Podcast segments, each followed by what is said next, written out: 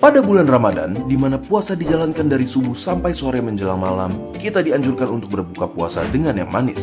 Sayangnya, kita salah menginterpretasikan pesan tersebut dan malah berbuka puasa dengan makanan dan minuman yang mengandung gula dalam jumlah banyak. Lalu, hidangan manis seperti apa yang seharusnya kita konsumsi?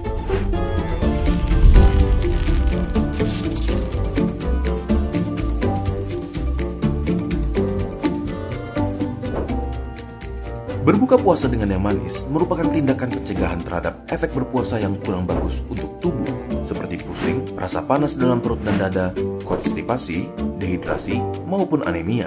Selama berpuasa, metabolisme kita ada pada keadaan yang berbeda di mana terdapat banyak adaptasi hormon dan fisiologi, Walaupun mempunyai manfaat, puasa dalam bentuk apa pun bisa menjadi berbahaya jika tidak diakhiri dengan benar. Lalu, sebenarnya apa yang begitu penting dari makanan manis tersebut? Makanan dan minuman yang manis akan mengembalikan tenaga yang terbuang selama berpuasa.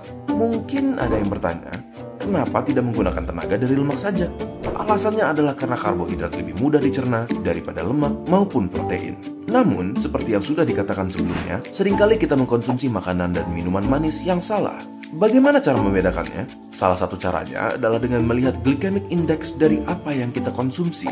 Makanan dan minuman manis hasil olahan mempunyai glycemic index yang tinggi, yang dapat meningkatkan kadar gula darah secara tiba-tiba dan drastis, berbahaya bagi mereka yang menderita diabetes tipe 2. Makanan dengan glycemic index tinggi pun sering disebut dengan nama quick carbs, karena dicerna dengan cepat dan hanya memberikan tenaga untuk waktu yang cukup singkat sebelum membuat kita lelah dan kelaparan lagi. Manis hasil olahan tidak mengandung vitamin maupun mineral dalam jumlah yang signifikan, sesuatu yang tubuh kita sangat butuhkan, apalagi mengingat kita hanya makan dua kali sehari selama bulan puasa. Maka dari itu, yang manis seperti buah yang alami merupakan pilihan yang lebih baik karena mengandung vitamin dan mineral tersebut. Seperti kurma yang sangat manis namun memiliki glycemic index rendah 42, mengandung serat dan vitamin lainnya, dibanding gula olahan yang mempunyai glycemic index setinggi 68.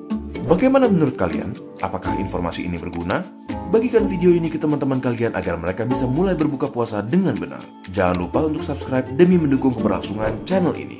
Jika ada topik yang kalian ingin kami bahas, kalian bisa tulis di kolom komentar untuk kami lihat. Seluruh tim Yuran mengucapkan selamat menunaikan ibadah berpuasa kepada saudara-saudara kita yang sedang menempuh bulan Ramadan. Terima kasih dan sampai ketemu di video berikutnya.